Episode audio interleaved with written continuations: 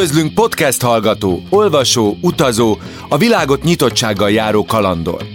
Ez a Kortárs Felbeszélések Podcast, irodalom és hangos könyv újra töltve. Tilla Tilla vagyok, ebben a sorozatban 18 magyar író 27 novelláját mutatom be nektek a Volvo és a Radnóti Színház jóvoltából együttműködve a Magvető kiadóval. A felbeszélők a Radnóti Színház színészei és vendégművészei. Azért indítottuk el ezt a műsort, hogy a biztonságos és fenntartható vezetési élményt inspiráló irodalmi élményekkel tegyük teljessé. Hiszünk abban, hogy a sokszínű és magával ragadó kortárs magyar novellák szórakoztatnak, elgondolkodtatnak és segítenek jobban megérteni a világot.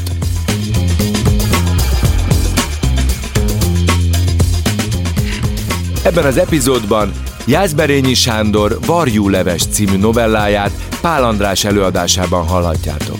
Előtte Nyári Krisztián ajánlóját pedig Nagy Márk mondja el.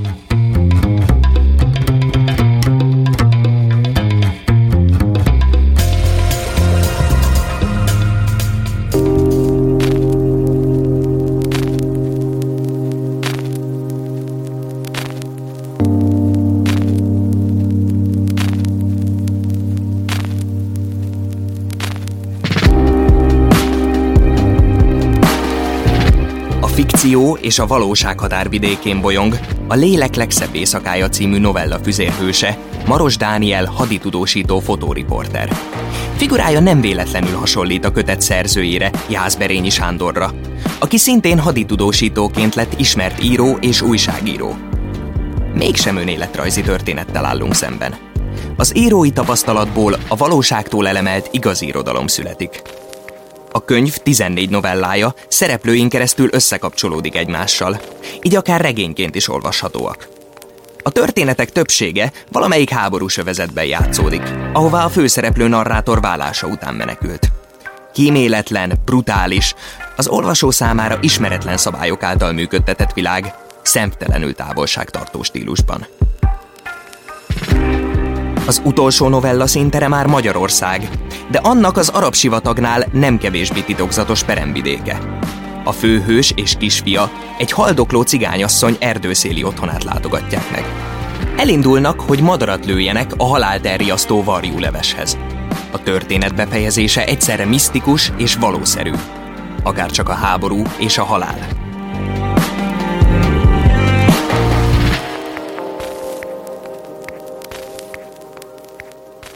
Jászberényi Sándor Varjúleves A vetésből szállt fel a köd. A Ford Focus ködlámpája megvilágította a szántóföldeket szegélyező csupasz fákat. Az autóúton nem volt forgalom. Kristóf apja két kézzel fogta a kormányt. Ideges volt. Várta, hogy végre feltűnjön a férfi sziluettje az út szélén. Többször a szájába vett egy cigarettát, hogy rágyújtson, de mindig visszatette a dobozba, amikor a kezével megérintette az ablaktekerőt. Nem akarta beengedni a hajnali szelet a belehelt autóba. Kristóf semmit sem látott a hajnalból. A hátsó ülésen egy kék csíkos pokróccal betakarva keresztben fekve aludt. A lábait felhúzta, és a kezét párnaként tette a feje alá. Az apja gyakran hátra nézett, nem takarta el ki magát a gyerek. A kisfiú néha megmozdult, néha megszólalt álmában. Hűvös koratavaszi nap volt.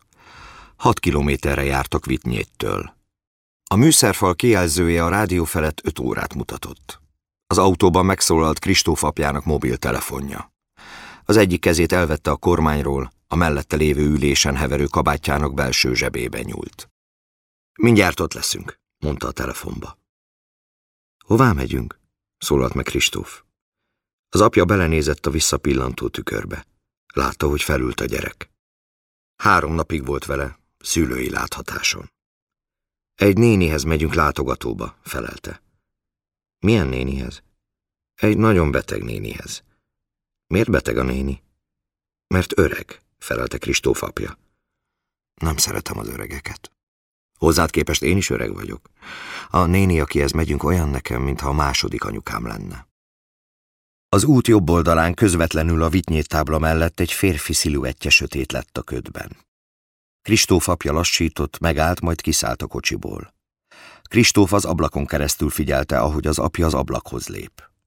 Pár másodpercig tanácstalanul állt egymással szemben a két férfi, majd megölelték egymást, és elindultak vissza a kocsihoz. Kristóf apja kinyitotta az ajtót, elvette az anyós ülésről a kabátját. A másik férfi is beszállt.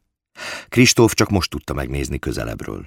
Nagy darab, sötétbőrű ember volt, kopott bőrcsekiben és kockás flanelingben.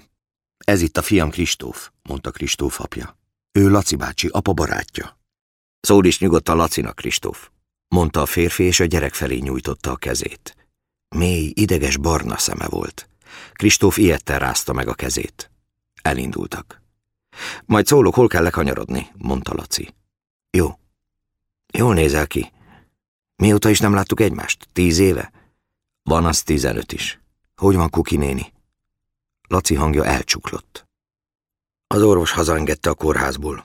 Nem azért engedte haza, mert jobban van. Anya nagyon nincs jól. Ezért is szóltunk nektek. Jól tettétek, hogy szóltatok. Örülök, hogy el tudtál jönni, hogy el tudtatok. Persze. A puskát elhoztad? Igen, bent van hátul a csomagtartóban. Akkor jó. Kristóf a kocsi sarkába húzódva, gyanakodva méregette az ismeretlen férfit. Végül megszólalt. Laci bácsi, neked miért olyan sötét a bőröd? Kristóf! morrant fel az apja. Laci arca felderült.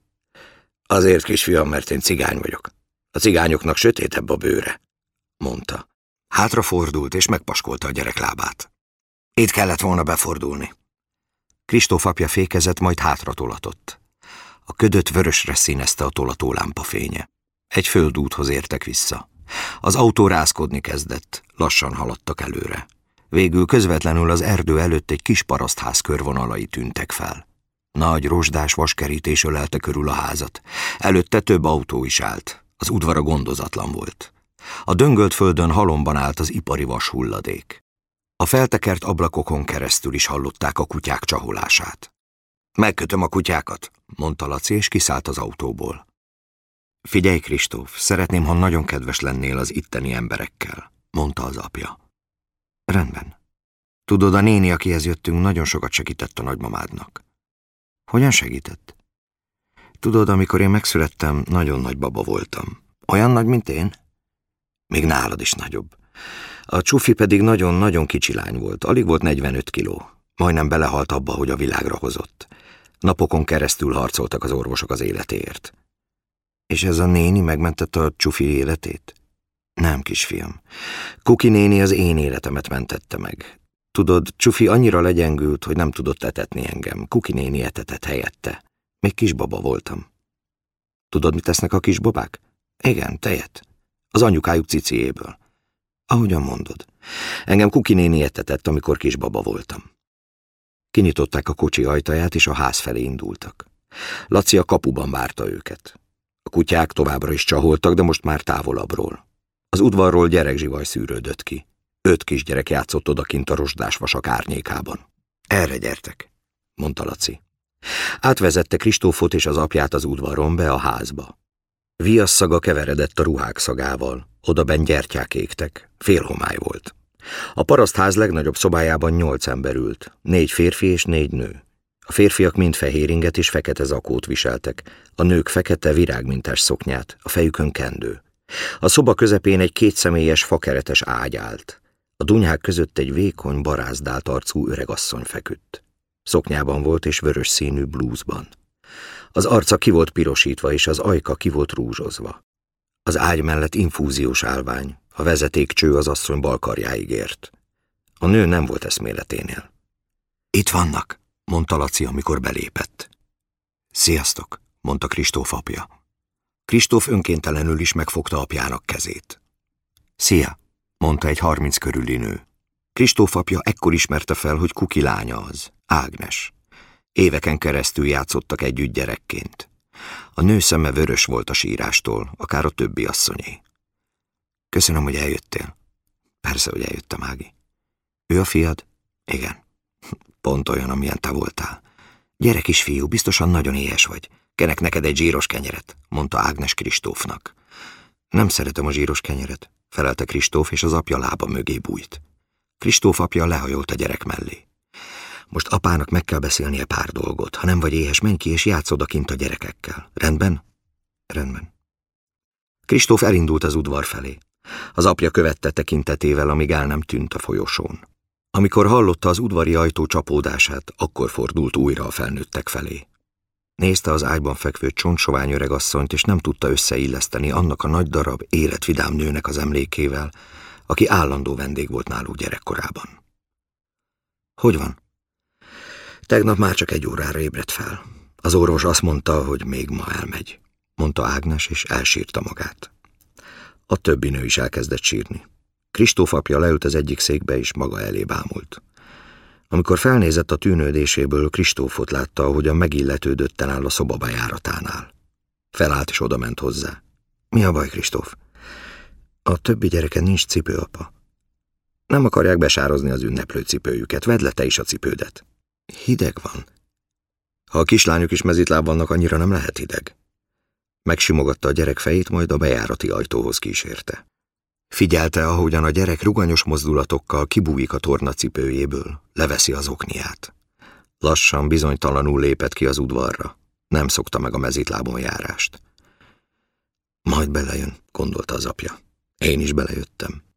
Egy darabig figyelte a fiát, ahogyan a többi gyerekhez megy, majd bekapcsolódik a játékba.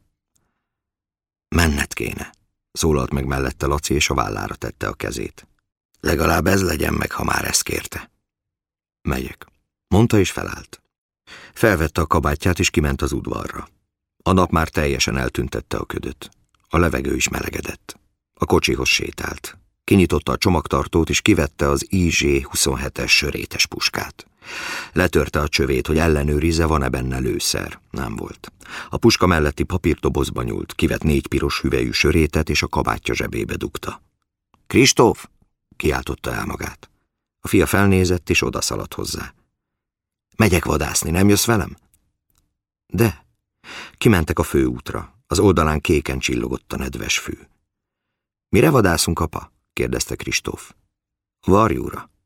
Miért vadászunk varjúra? Megesszük. De a varjút nem lehet megenni, csak a nyulat, a vaddisznót meg az őzet.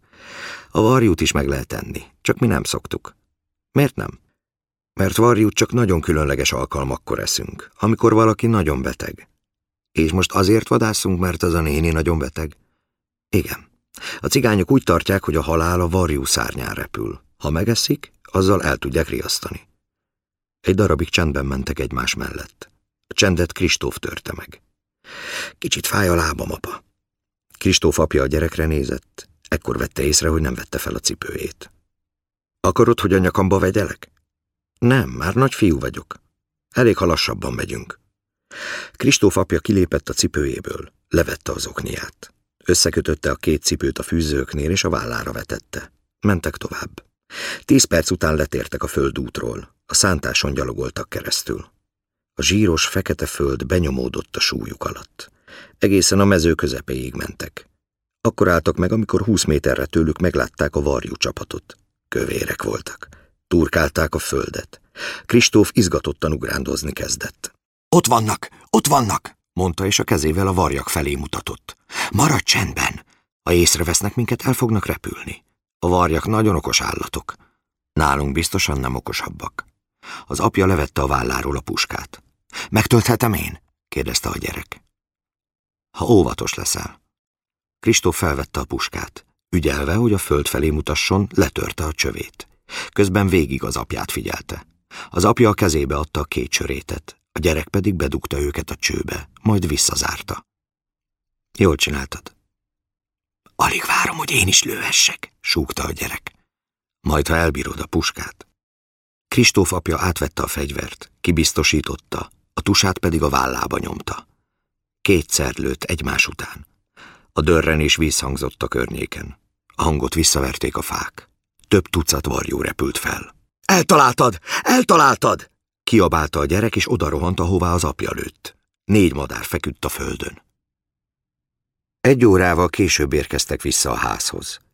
Kristóf az apja nyakában ült, az apja egyik kezében a puskát hozta, a másikban a lábuknál fogva a négy varjút.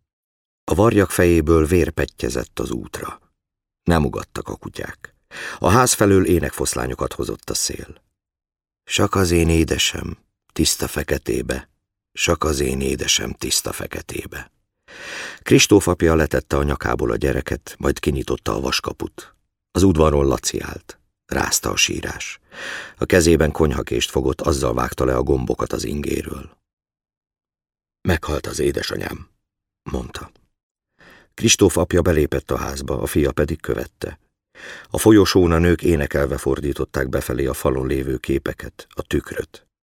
A férfiak ülve hang nélkül vágták le a gombokat az akóikról. A halott úgy feküdt, mintha aludna. A kezeit keresztbe kulcsolták a mellén.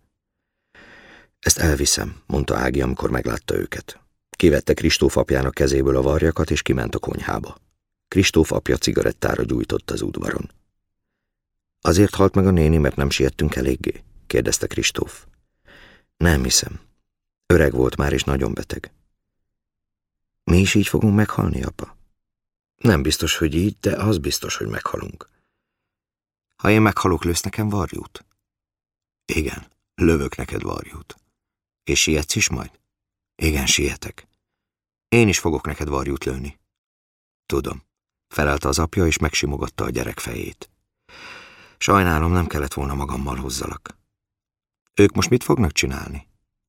Gyászolni fogják három napon keresztül az édesanyjukat. Aztán visszamennek Németországba. A varjukat megeszik? Igen, az lesz az ebéd. Ezt már nem kell megvárnunk. Szeretném megvárni, mondta Kristóf. Az asszonyok egy műanyagasztal terítettek meg az udvaron. A varjakat nagy barna lábosban főzték meg, abból szedtek mindenki tányérjára. Csak a húsuk vöröse emlékeztetett arra, hogy nem csirkéből készült a leves. A gyerek három tányérra levett, ami meglepte az apját. Ebéd után elköszöntek a családtól, és beültek a kocsiba. Elindultak. Húsz percen keresztül nem szóltak egymáshoz. Kristóf apja azt hitte, elaludt a gyerek. Akkor vette észre, hogy ébren van, amikor belenézett a visszapillantó tükörbe, és látta, hogy a kisfiú felhúzott lábakkal ül, és gondterhelten bámul kifelé az ablakon. Mi a baj? Azon gondolkodom, hogy vajon elegetettünk-e. Mihez? Hogy előzzük a halált? Eleget, mondta az apja. Ne aggódj miatt. Kristóf kinézett az ablakon. A fák virágban álltak az autóút szélén. A földeken bújt elő a termés. A szikrázó napsütésben úgy tűnt, a halál tényleg nagyon messze van.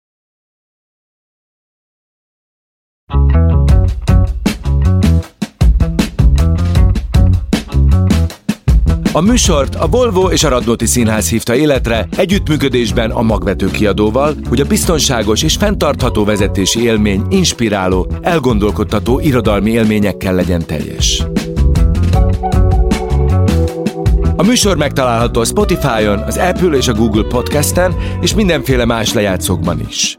Ha tetszett ez az epizód, hallgassd meg a teljes műsort. Ha szeretnéd, hogy minél többen megismerjék a kortárs magyar novellákat, akkor értékelj minket öt csillaggal, mert így kerülünk előrébb a toplistákon. Köszönjük!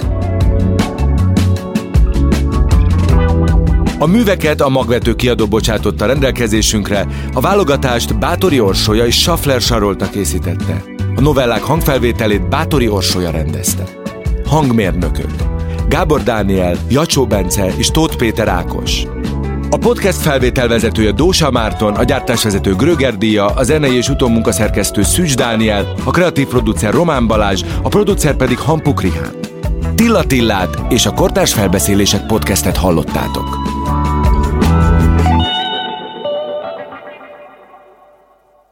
Beaton Studio